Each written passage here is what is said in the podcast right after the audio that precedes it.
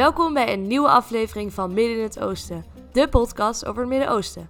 Voor deze aflevering heb ik een hele bijzondere gastspreker uitgenodigd, namelijk Petra Stine. Voormalig diplomaat en nu lid van de Eerste Kamer voor D66. Petra, uh, superleuk uh, dat je hier wil zijn, welkom. Uh, zou je jezelf even kort willen voorstellen? Ja, mijn naam is Petra Stine en ik kijk naar je en dan denk ik, oh ja, Wanneer was dat? 1984. toen ging ik Arabisch studeren en toen bestond het hele concept podcast nog niet. Dus ik vind het ongelooflijk leuk om bij jou in de podcast te zitten. Nou, wat superleuk om te horen. Uh, daarop aansluitend is het denk ik ook nog wel leuk om te vertellen. Uh, ja, we hadden het er net al eventjes over. Maar uh, dat jij eigenlijk de doorslaggevende factor voor mij bent geweest om Midden-Oosten-studies te gaan studeren. dat was namelijk tijdens een lezing van jou. Waarna wij daarna in gesprek kwamen en ja, dat was eigenlijk even het, het laatste zetje dat ik nodig had. Ja, dat kan ik me nog herinneren. Ja. ja, dus daarom vind ik het nu extra leuk dat je hier te gast bent vandaag.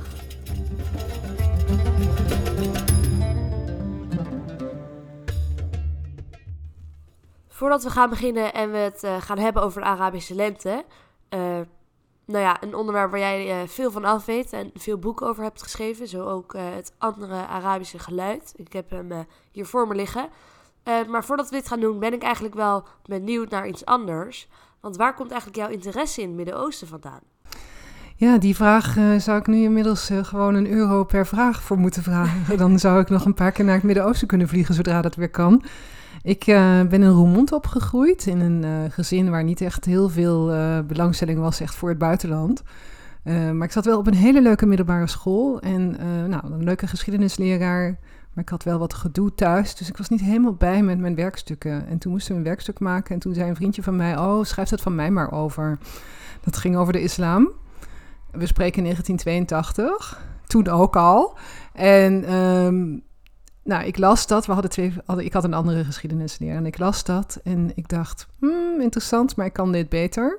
Toen ben ik de bibliotheek ingedoken, een weekend lang... en heel veel dingen zitten lezen en ik was totaal gefascineerd gewoon wat betekent religie voor mensen in het leven, maar ook een hele andere cultuur, de taal. En toen, zo zie je maar weer, hè, dat um, het voorbeeld van iemand anders, want ik hoorde dat het zusje van een klasgenoot van mij, dat die Arabisch studeerde in Amsterdam. Ik weet wel nog dat toen had ik me ingeschreven in Leiden en uh, nou, ik denk een week of zo voordat ik naar Leiden ging verhuizen, hoorde ik op de Nederlandse radio Um Kalsoum zeg maar de Maria Callas van de Arabische wereld. Die ken jij natuurlijk ook, hè? Die is in Cairo, hoor je die overal. Ja.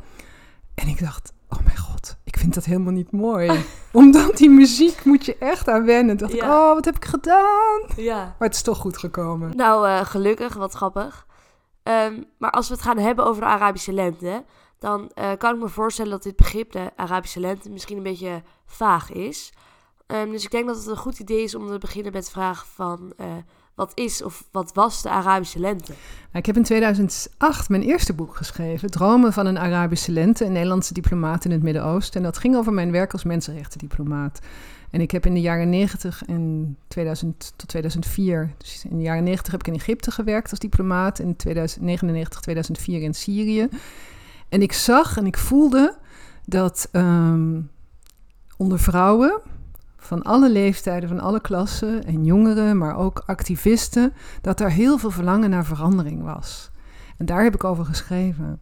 Um, en er was een prachtig boek van een Iraans-Amerikaanse hoogleraar van de American University in Cairo, van Asif Bayat, Life in Politics. En hij noemde dat toen de non-social movements. Eigenlijk de bewegingen die niet in de officiële structuren zitten. Dus niet de politieke partijen, niet het parlement. En dat zag ik ook.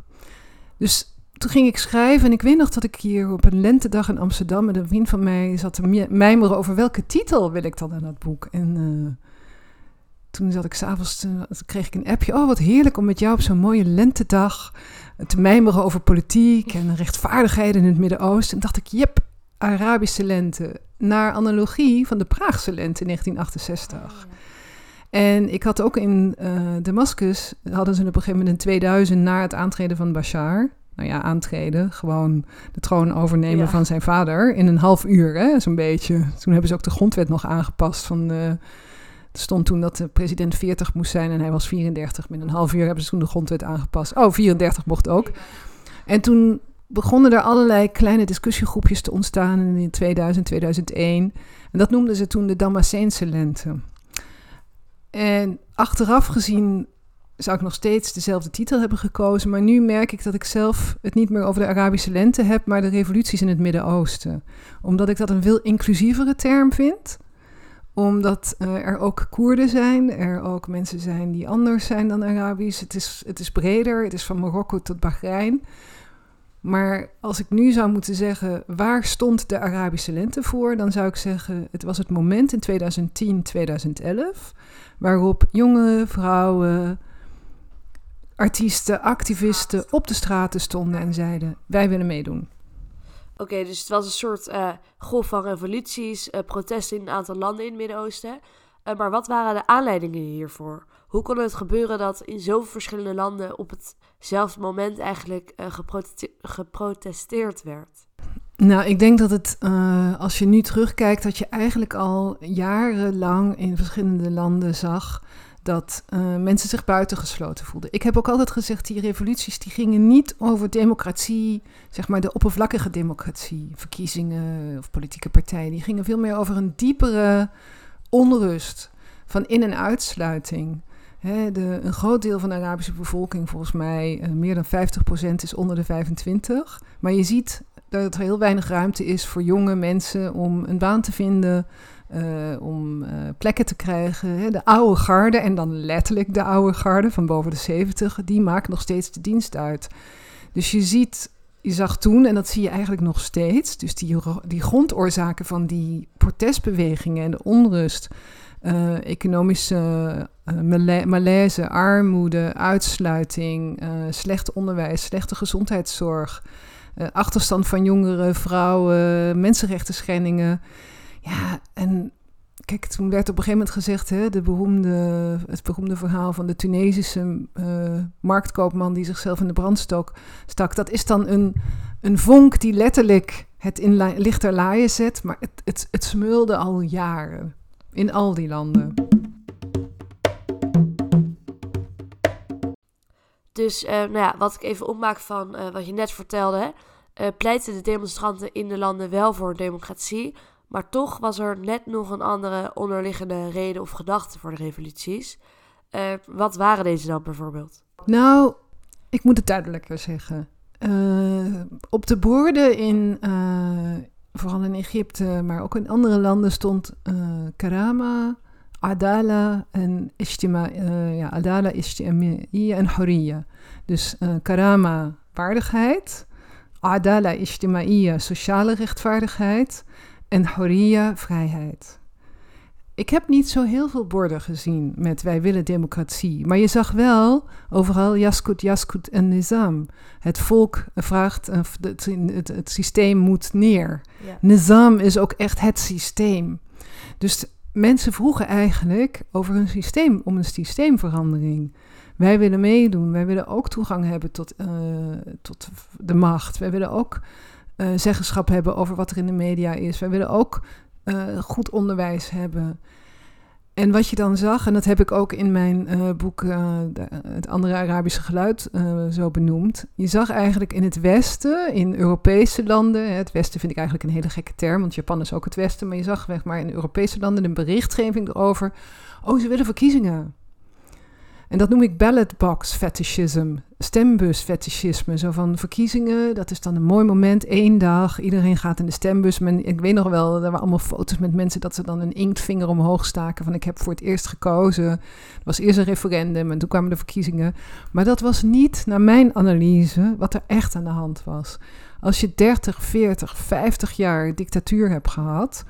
Dat was de metafoor die ik toen altijd gebruikte. En het kaartenhuis stort ineens in in Egypte, in Libanon, in Syrië, in Tunesië, in Bahrein, in Jemen. Onder dat ingestorte kaartenhuis kwam niet eens een hele mooie rozentuin naar boven. Ik bedoel, de narigheid van 60 jaar dictatuur, daar heeft Egypte nog steeds last van. En dan zie je dat in het systeem maar een hele kleine groep ervan profiteert. En de rest heeft het nakijken. En ik denk, als je nu tien jaar later de vraag van wat was dat toen? dan is die Arabische lente als metafoor ook niet goed. Want je kan niet in één seizoen een, een systeem dat in 60 jaar is ontstaan omverwerpen. Nee. Dat heeft veel meer tijd nodig. Ja, dat eh, klinkt wel heel logisch allemaal. Eh, maar hoe kijken we er dan bijvoorbeeld nu op, tien jaar later? Dus ja, wat was eigenlijk de naloop van de revoluties in die bepaalde landen? Ja, nou, ik eh, word zelf wel eens eh, aangesproken door de mensen die sowieso niet zoveel hebben met het Midden-Oosten. eh, van ja, die Stine, die snapten het niet. Arabische lente, Arabische ellende zal je bedoelen. En je ziet dat voor 2011 was er, ehm, nou, zeg maar, als je stereotyperend naar het Midden-Oosten keek, dan ging het over moslimbroederschaps, militaire dictaturen en migranten. En het gekke is, dat is niet heel erg veranderd.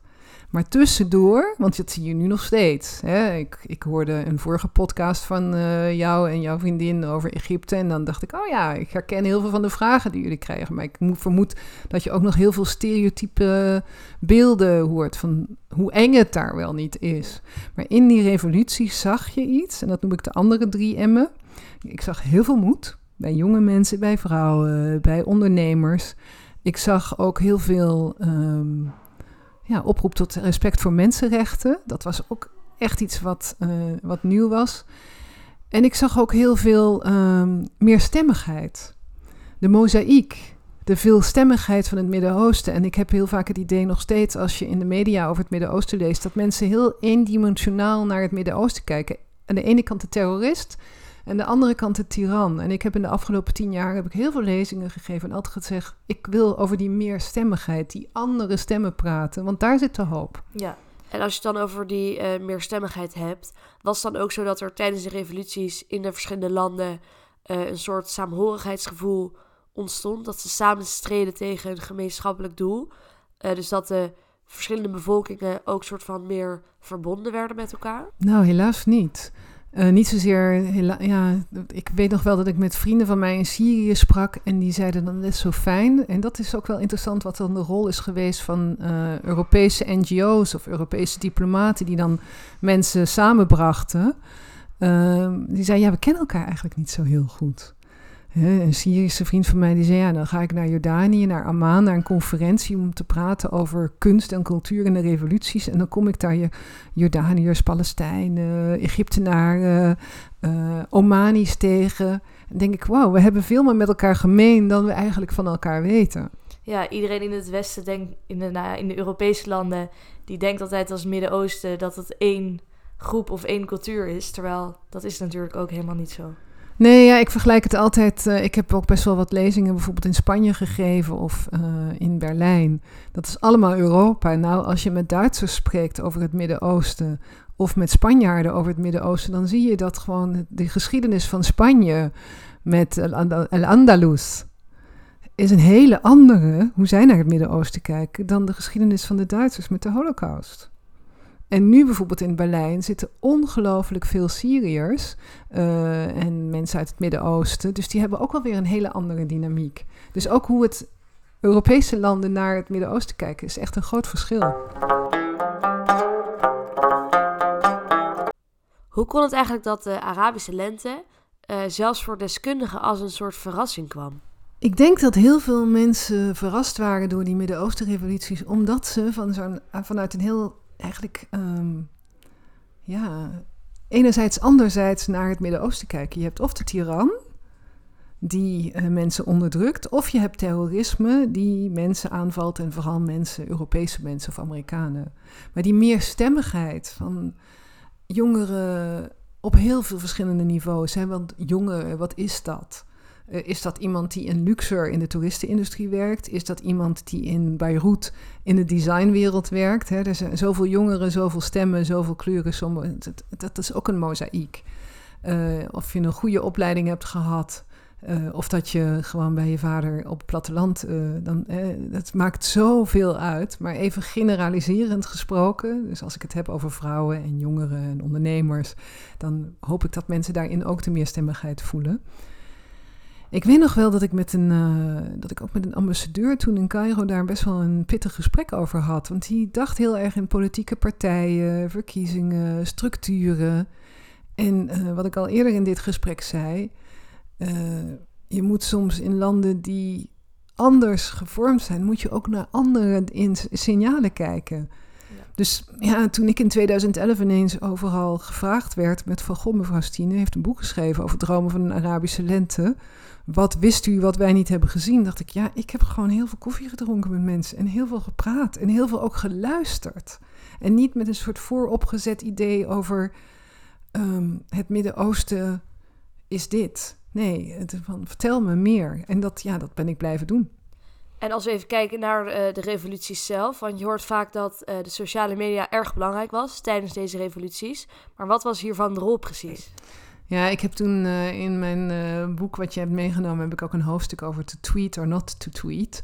Um, in de tijd, inmiddels weten we beter, in de tijd werd heel erg gedacht dat Facebook en Twitter, dat dat aan leidingen waren van die revoluties. Maar ik heb toen ook altijd al gezegd: elke revolutie, de Russische revolutie, had de postduif als middel om te communiceren. En uh, ik zeg dat nu ook in de analyse. In de tijd was, het, was Facebook en Twitter was meer een microfoon voor het verhaal, dan dat het een, uh, een, ja, een oorzaak was van de revolutie. Maar denk je niet dat uh, door deze platformen juist dat het heel veel mensen kon bereiken en dat het daardoor een groter ding werd, soort van. Ja, een microfoon en ook een mobiliserende factor. Wat ik nu wel echt heel verdrietig vind, er was uh, een jonge vrouw in uh, 2006.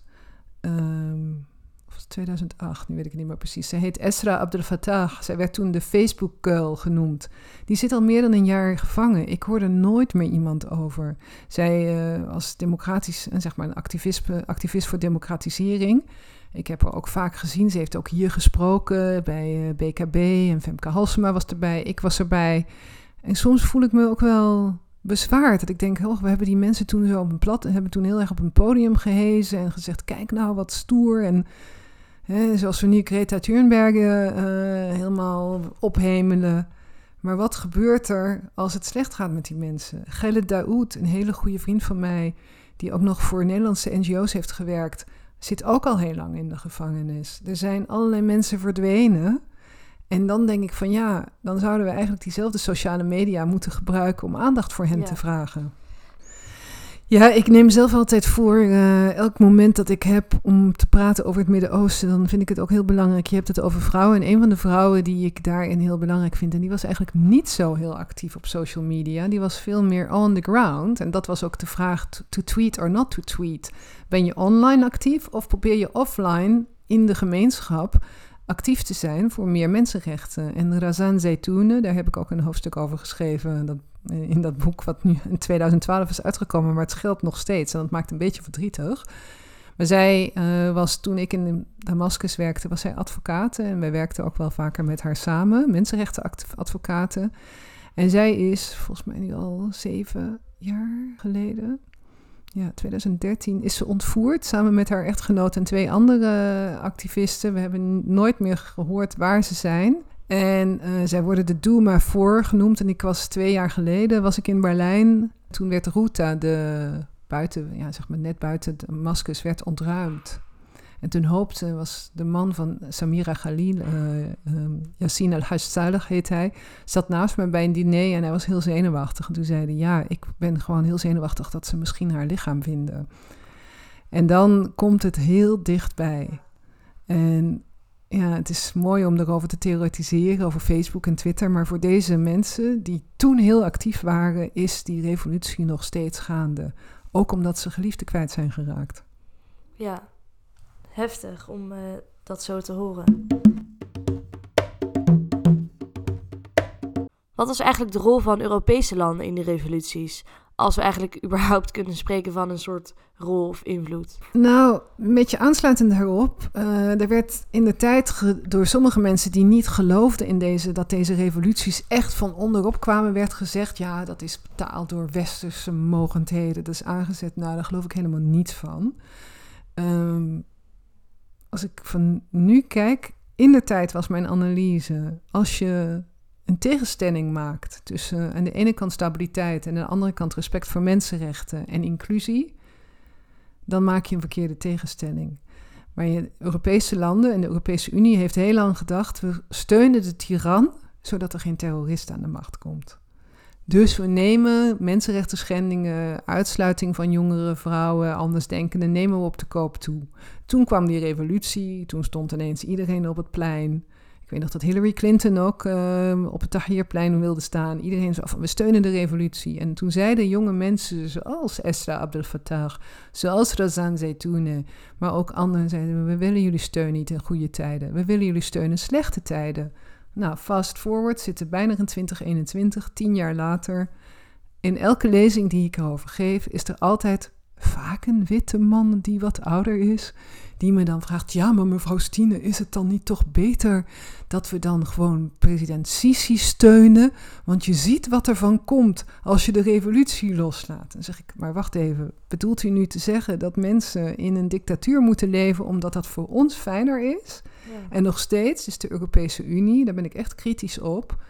Uh, vinden de leiders, je ziet het nu, kiezen voor veiligheid en stabiliteit. Nu zie je dat uh, Libië, Tunesië, Egypte, Libanon, Jordanië. Hoe kijken wij naar die landen?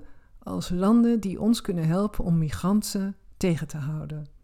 Dus hoor je weer hetzelfde verhaal. Beter de tiran uh, steunen dan de instabiliteit. Terwijl naar mijn gevoel het gesprek zou moeten zijn als je nou daadwerkelijk alle talenten van al die jonge mensen, die vrouwen, die ondernemers, als die zouden mogen zijn, dan zou het een welvarende regio kunnen zijn. En hoeft er helemaal geen tiran te zijn. Nee. Um, maar ja, dus, dus wat je net zegt, eigenlijk die landen waarin de revoluties zijn geweest, uh, die worden nog steeds geregeerd door een tiran en leven hierdoor in een soort dictatuur. Maar zijn er dan onder de bevolking nog steeds tien jaar later, of moet ik zeggen eigenlijk alweer, uh, revolutionaire ideeën? Mooie vraag. Ja, ik zal. Uh, ik ben in januari voor het laatst in het Midden-Oosten geweest. Dat is in Libanon. Daar kom ik een paar keer per jaar, omdat ik bestuurslid ben van een hele mooie culturele organisatie die uh, Action for Hope heet. Die zetten zich echt in voor het ondersteunen van creativiteit en creatief talent van jonge mensen, Syriërs, Libanezen, Jordaniërs. En ik kwam op 15 januari aan uh, in Beirut en ik landde en het was echt heel eerie. Er was een soort van curfew, zo'n avondklok. Uh, en ik hoorde allemaal geluid en ik zat in mijn hotel. En ik hoorde geluid van demonstranten, van sirenes. En ik keek op de televisie en ik zag waar het was en dacht: wow, dat is echt twee straten verder. Toen begon de revolutie echt. Begon er weer geweld uh, te komen. In Libanon was al sinds oktober stonden mensen op straat. En in het begin was het net eigenlijk als in Egypte in het begin heel vriendelijk, ludiek, met ook heel veel culturele, creatieve uitingen. Maar ja, uh, de Libanese regering, wat toch wel een beetje een soort van uh, maffia-regime werd genoemd door de demonstranten, die gingen er keihard opslaan. En op dat moment hadden wij een, een, uh, een vergadering van onze Raad van Toezicht, van de Action for Hope. En ik, nou, ik was aangekomen de dag daarna, ging ik met iemand even koffie drinken. En ik liep over straat en ik kwam meteen in zo'n demonstratie uh, die ik eigenlijk ook wel uit Egypte kende. Journalisten voor het ministerie van Binnenlandse Zaken. En ik weet nog, toen ging ik later met een van mijn vriendinnen die daar journalist is praten. En die zei, Petra, ik voel me voor het eerst Libanees en niet alleen maar Shiïtisch. Dit verenigt iedereen. En ik herkende wat er tien jaar geleden ook niet zo heel goed ging. Dat er wel heel veel revolutionaire uh, energie is, maar dat het moeilijk is om het systeem te doorbreken.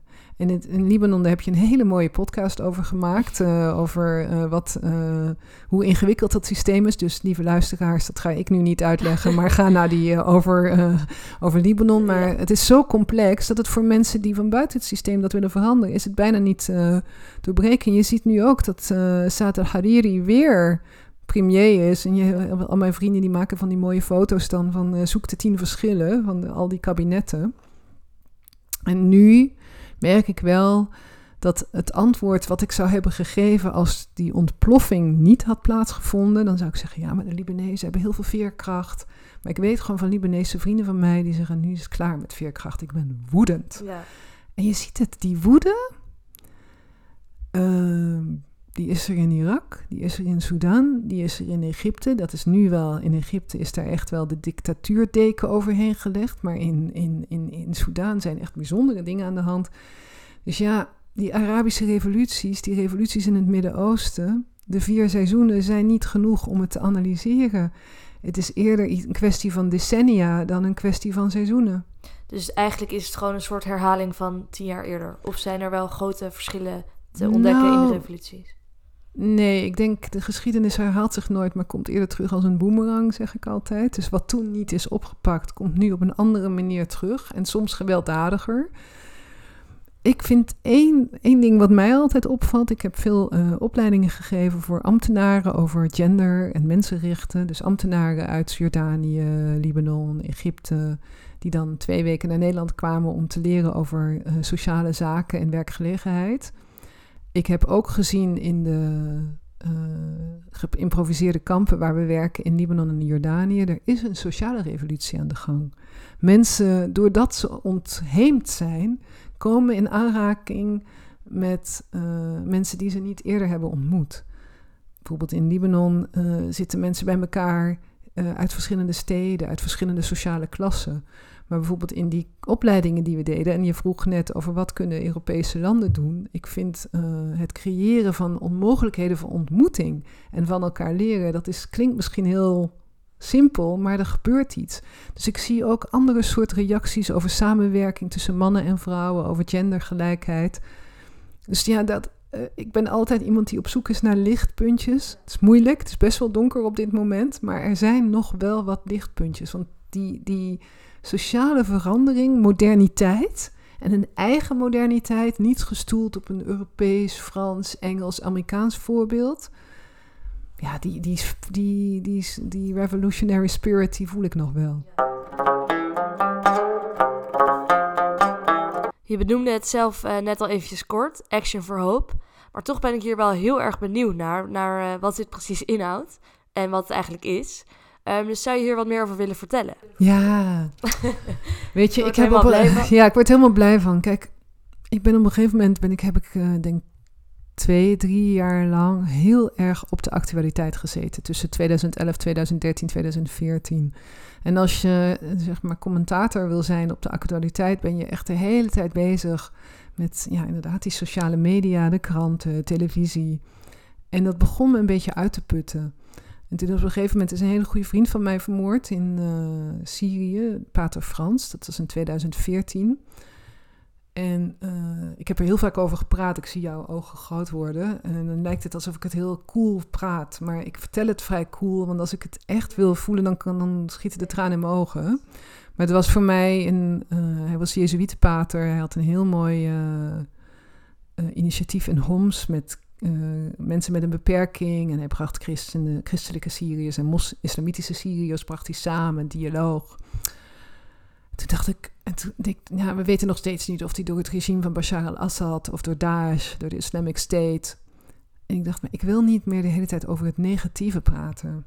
En op dat moment vroeg Bahma- Basma Husseini, zij is een Egyptische vriendin van mij, zij is echt iemand die heel veel gewerkt heeft met eh, culturele organisaties, theater, film, documentaire maken. Ze zei, ja, ik ga een nieuwe organisatie oprichten voor culturele noodhulp. En het idee van haar was, als er een crisissituatie is, armoede, oorlog, mensen moeten vluchten, dan is de noodhulp vaak alleen gericht op onderdak, eten, medische verzorging. Ze zei even heel, heel hard, zei ze, ja, dat, dat doe je bij dieren ook. Maar mensen zijn meer, hebben meer nodig dan een dak boven hun hoofd te eten en medicijn als ze ziek worden. Ze hebben ook iets nodig wat hen mens doet voelen en dat is kunst. Dus eh, zij is toen in 2014, 2015 begonnen met Action for Hope. In het eh, Arabisch eh, al-amal lil-amal. Dus er zit een hele mooie alliteratie, interne alliteratie in. Nou, we zijn nu eh, vijf jaar verder en we hebben projecten, samenwerkingsverbanden in Libanon, in Jordanië. Dus in Libanon hebben we een theaterschool opgericht, hebben een muziekschool opgericht. En echt om mensen te helpen hun talent te ontwikkelen. En in Libanon is dat ehm, eh, ook. Nou, nu is het de situatie met corona en COVID voor iedereen heel ingewikkeld. Maar tot eh, maart waren beroepen in de entertainmentindustrie, eh, film, theater, waren toegankelijk voor Syriërs. Dus we hadden ook We hielpen mensen ook door muzikant, door filmmaker, door uh, setdesigner. Die konden gewoon werk daarmee vinden. En zo mooi gezegd, daar ben ik mijn dromen van Arabische lente, met, ben ik met die zinnen afgesloten. Van soms, als je één mensenleven redt, red je de hele mensheid. Dat is een uh, gezegde uit het Jodendom en ook uit de, uit de islam. En ja, op de schaal daar dingen heeft Action for Hope dat gaat echt niet zorgen voor een revolutie en dat gaat ook niet voor zorgen dat het systeem verandert, maar voor die honderden jonge mensen die wij helpen in het ontdekken van hun creativiteit en voor hun ouders, misschien duizenden, daar is het echt een wereld van verschil. Ja, nou, dat kan ik begrijpen. Wat een supermooie organisatie zeg en echt een heel goed initiatief. Ik zou zeggen, bekijk de organisatie Action for Hope nog eventjes. Het is uh, gewoon te vinden op het internet, uh, als ik het goed heb. En uh, ja, we zouden hier eigenlijk nog uren over kunnen doorpraten. Maar ik denk dat we de belangrijkste dingen besproken hebben. Dus Petra, heel erg bedankt voor al je duidelijke en mooie, eerlijke verhalen. Ik heb er echt heel veel van geleerd en ik vond het super leuk. Dus dankjewel. Ik ook. En ik moedig je aan om vooral door te blijven gaan. Want ik denk dat het heel belangrijk is dat uh, jonge mensen, maar ook alle andere mensen die naar jouw podcast luisteren, zien dat een wereld die strekt van Marokko tot Bahrein met meer dan 400 miljoen mensen, daar is enorm veel diversiteit. Daar hoeven we niet bang voor te zijn, daar moeten we een open, met een open blik naar blijven kijken.